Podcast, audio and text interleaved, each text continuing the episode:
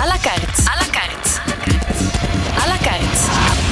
Met Robbe Petitjean en Robert Esselings. Dag Robert, uh, wie, komt er, uh, wie komt er langs in à la carte? Wel, onze gast vanmiddag is uh, Anne Brusseel, al één jaar lang algemeen directeur van de Erasmus Hogeschool.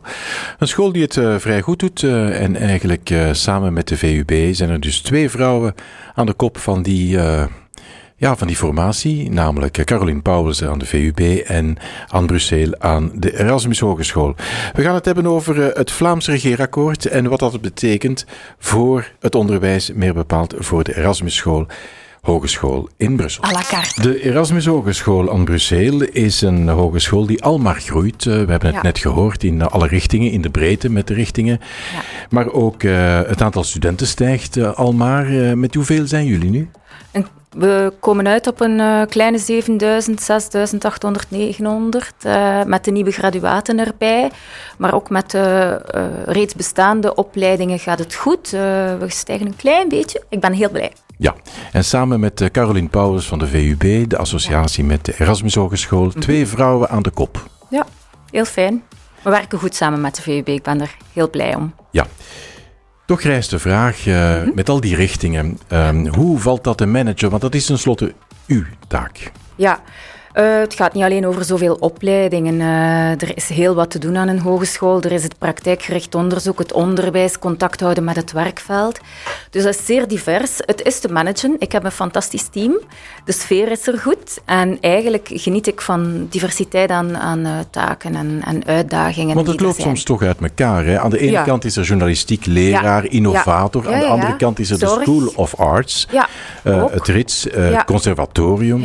Het houdt niet op. Ja, maar dat is ongelooflijk boeiend, want op een bepaald moment, zeker met de evolutie en technologie, zie je dat die mensen ook samen dingen kunnen doen. En dat is fantastisch, want zo ontdek je meer. En daarin zit de toekomst. Als we eigenlijk future-proof onderwijs willen organiseren met een modewoord, dan zie je dat er echt wel wat te doen is. Dat het niet zomaar uh, een hol discours is.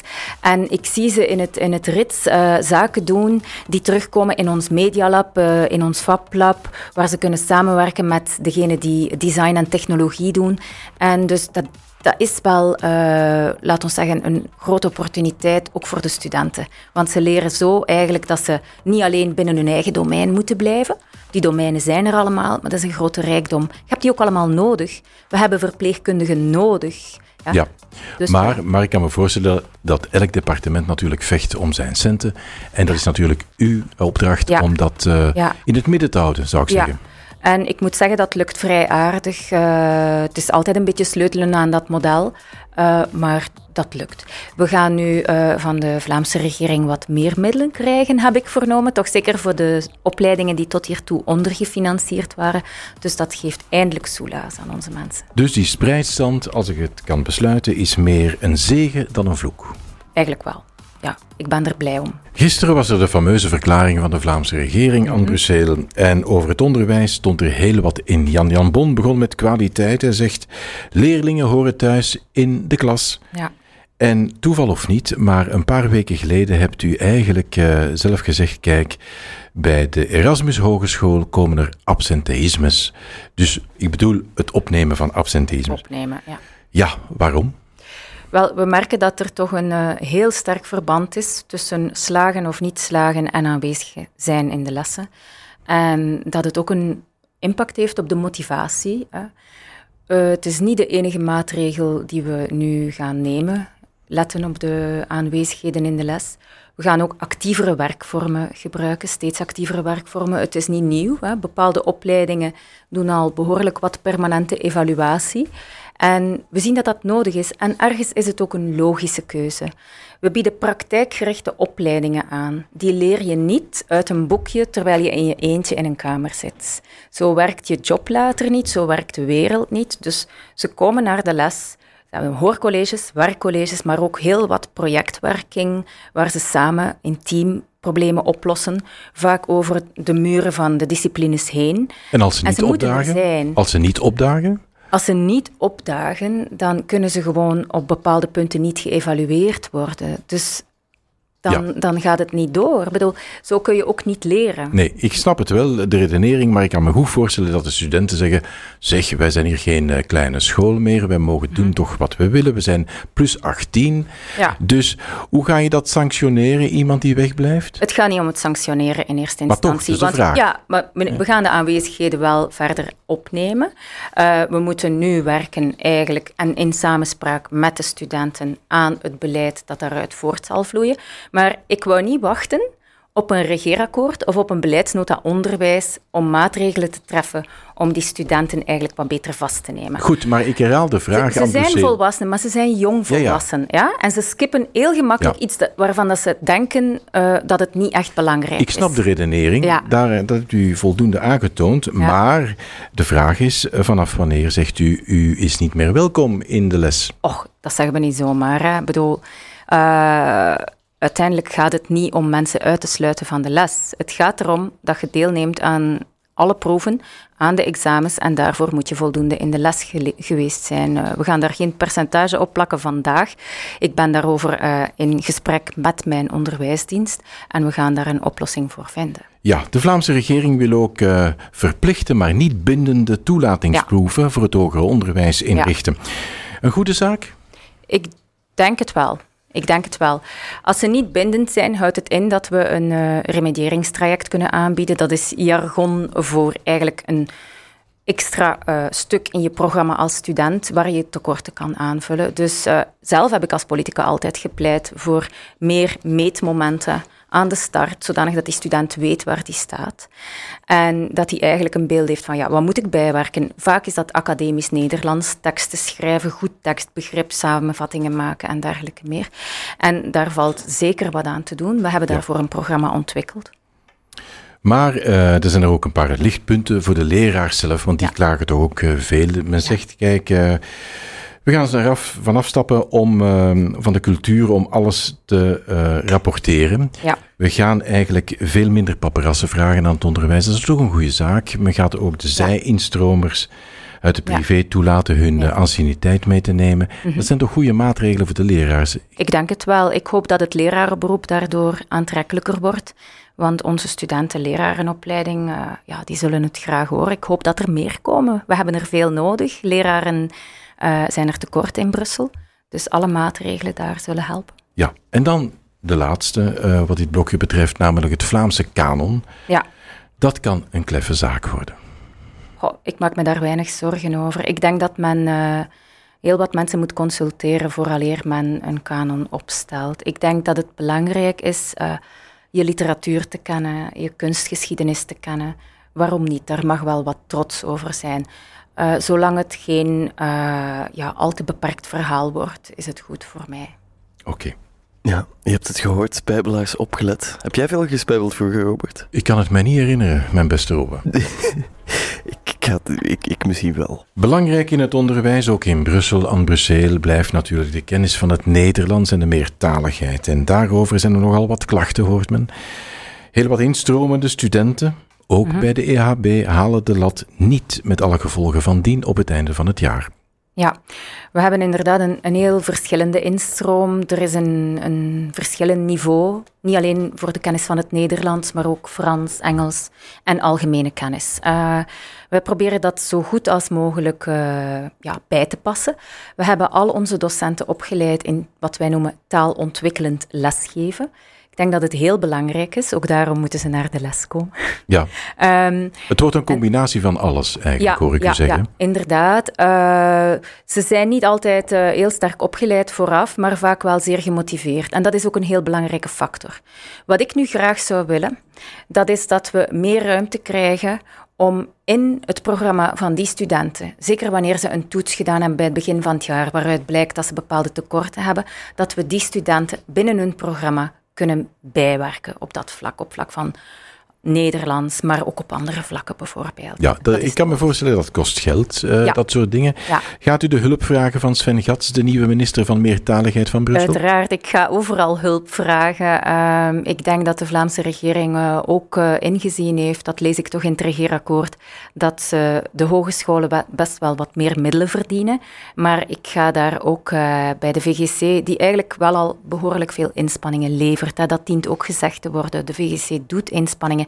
Maar de vraag is, ja, nemen we de juiste beslissingen, de juiste acties? Het is echt niet gemakkelijk om eigenlijk iemand zijn, zijn laat maar zeggen, zijn leertraject helemaal bij te werken als die al 18 is. Dus ik denk dat er uh, ja, eigenlijk nog uh, wat extra werk op de plank ligt. Ja, ook in het secundaire onderwijs hoor ik u ja, zeggen. Ja. En in dat verband uh, stel ik mij de vraag, hoe is het nu gesteld met die opleiding van tweetalige leraren, die Ja. u samen met de Franstalige Francesco Ferrer school Ja. hebt opgezet? Want dat duurt nu al een paar jaren, ik hoor Ja. het van Engel nog zeggen, maar die Franstaligen hebben natuurlijk hun curriculum veranderd. Ze hebben van drie naar vier jaar eh, de zaken omgeturnd, het wordt een master. Bij jullie is het nog drie jaar. Ja. Eh, hoe matcht dat nu? Hoe zit dat ermee? Wel, het matcht nog altijd, maar het is geen traject voor iedereen. Het is geen mainstream traject en, en er moet nog altijd aan gewerkt worden eigenlijk om de zaken te doen matchen. Maar we zien wel ja, dat degenen die, die dat doen daarover tevreden zijn.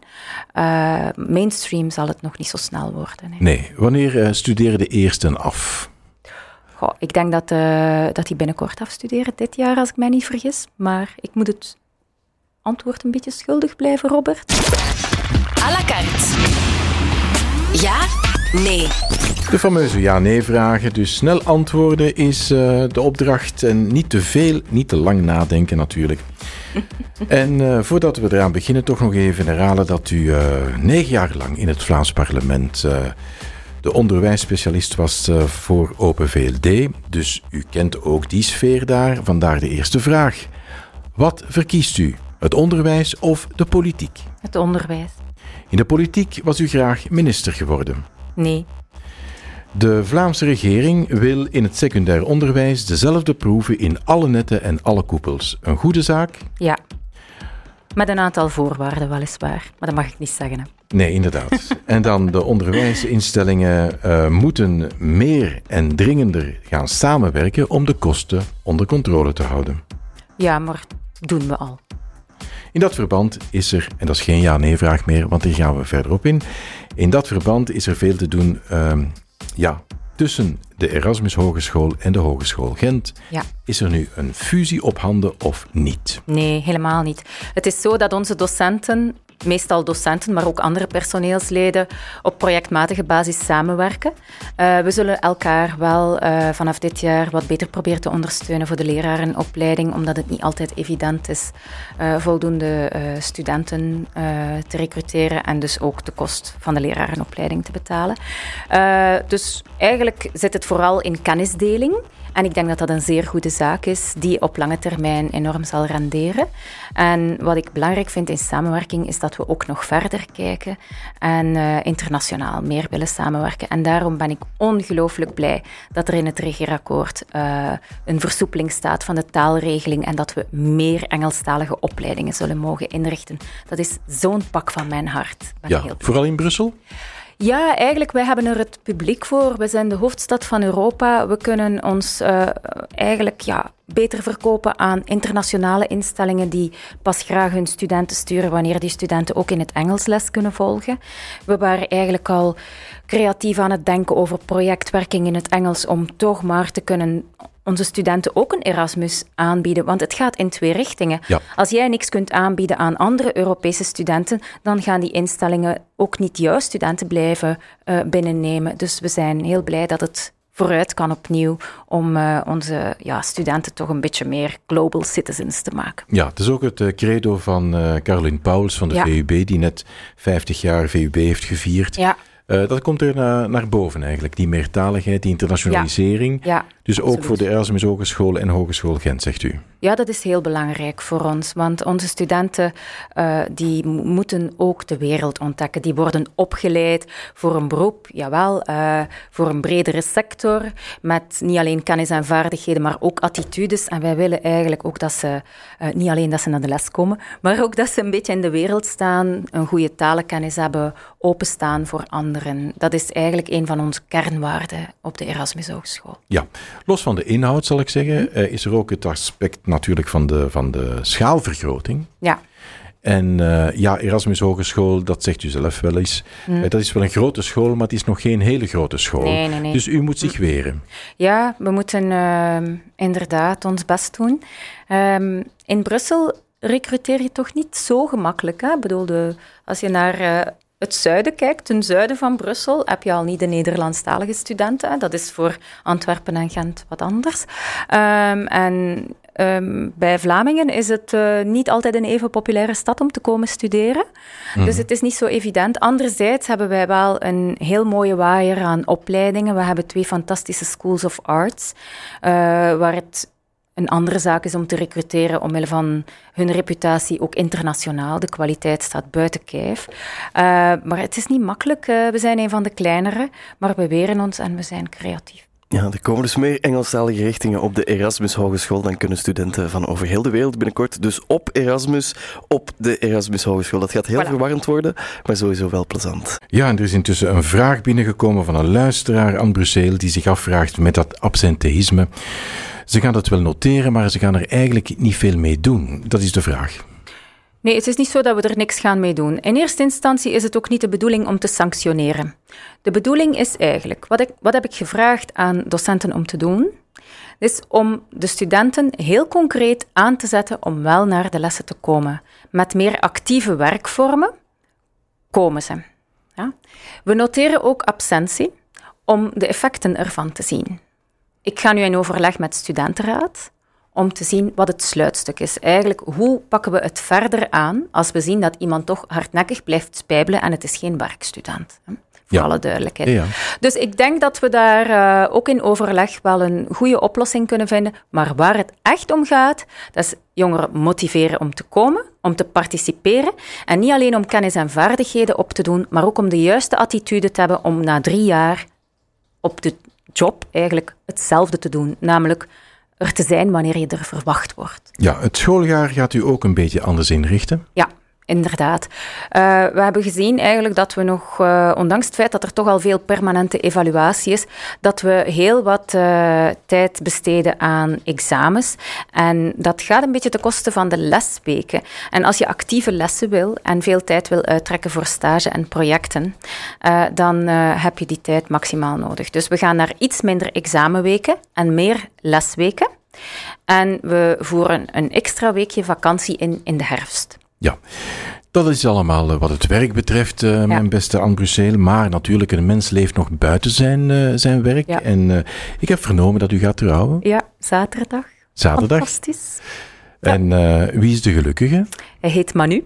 Hij is een ongelooflijk lieve, rustige man. U kent hem al lang? ja, van toen we aan de VUB studeerden. Wel aan, een liefde die lang meegaat, of een vriendschap dan? Een, een, vriendschap die lang meegegaan is. Ik ben teruggekeerd naar Oostende na 24 jaar in Brussel gewoond te hebben. En uh, ja, daar hebben we elkaar teruggevonden. En u trouwt nu uh, zaterdag. Uh, laatste ja. indiscrete vraag. Ja. Is hem rijk? um, ik denk dat hij verstandig omgaat met geld. Ik denk dat dat het belangrijkste is. Ja. En is vooral eigenlijk ook een geweldige papa voor Ada. Wel aan. Dat weten we nu ook allemaal. Ja, Goed. Voilà. Bedankt om te komen naar de studio. Graag gedaan. Had je nog langer doorgegaan, Robert, zou nog privé geworden zijn. Participatie in de juiste attitude en uh, wat minder spijbelen. Dat zijn de kernwoorden, want geloof me, op een bepaald punt in je leven ga je plots elke dag van de week op je werk aanwezig moeten zijn. En je leert dat best als student al. À la carte. Robert, wie gaan we morgen proberen steken in à la carte? Wel, uh, proberen gaat altijd mee, hè, mijn beste Robbe. Maar uh, we gaan proberen de nieuwe minister van Brussel binnen te halen. Ja. Uh, binnen te halen, ik wil maar zeggen, voor een gesprek. Hè. Ja, dus ja, er zijn een paar namen. We gaan ze niet meer herhalen, want god weet wie komt er door de deur gewandeld morgen. En is hij misschien niet alleen bevoegd voor Brussel, maar ook voor cultuur en media. Dat wordt ook al gefluisterd, dat het een pakketje wordt, zoals bij Sven Gats En heb, je een, misschien- heb je een voorspelling wie dat gaat zijn volgens Wordt jou? hij de minister van Brussel en Onderwijs. En dan zitten we hier natuurlijk terug samen met Anne Brussel. Maar goed, even wachten. En eh, ja, het En, wordt... en, en wie denk je dat het zou kunnen zijn? Wel, ik heb het net gezegd, eh, de namen ga ik niet blijven herhalen. Maar is zijn er antwoord als een er zijn er twee- Robert. Er zijn er twee die, die naar boven komen altijd. Dat is eh Siltje van Achter en Benjamin Dalle. Maar eh, ja, in de politiek is alles mogelijk. En eh, in de laatste rechte lijn worden er nogal eh, wat eh, prijzen uitgedeeld, zou ik zeggen. En niet altijd in, de, in dezelfde richting. Goed. Eh, maar het, het maakt het leven spannend, Robbe. En eh, het maakt ook ons programma spannend. Voilà, morgen weten we het en vanavond eigenlijk al, want dan worden de ministers voorgesteld. À la carte, dat is elke dag opnieuw een interessante gast op radio en tv. Stel jouw vraag via beurs.be of WhatsApp.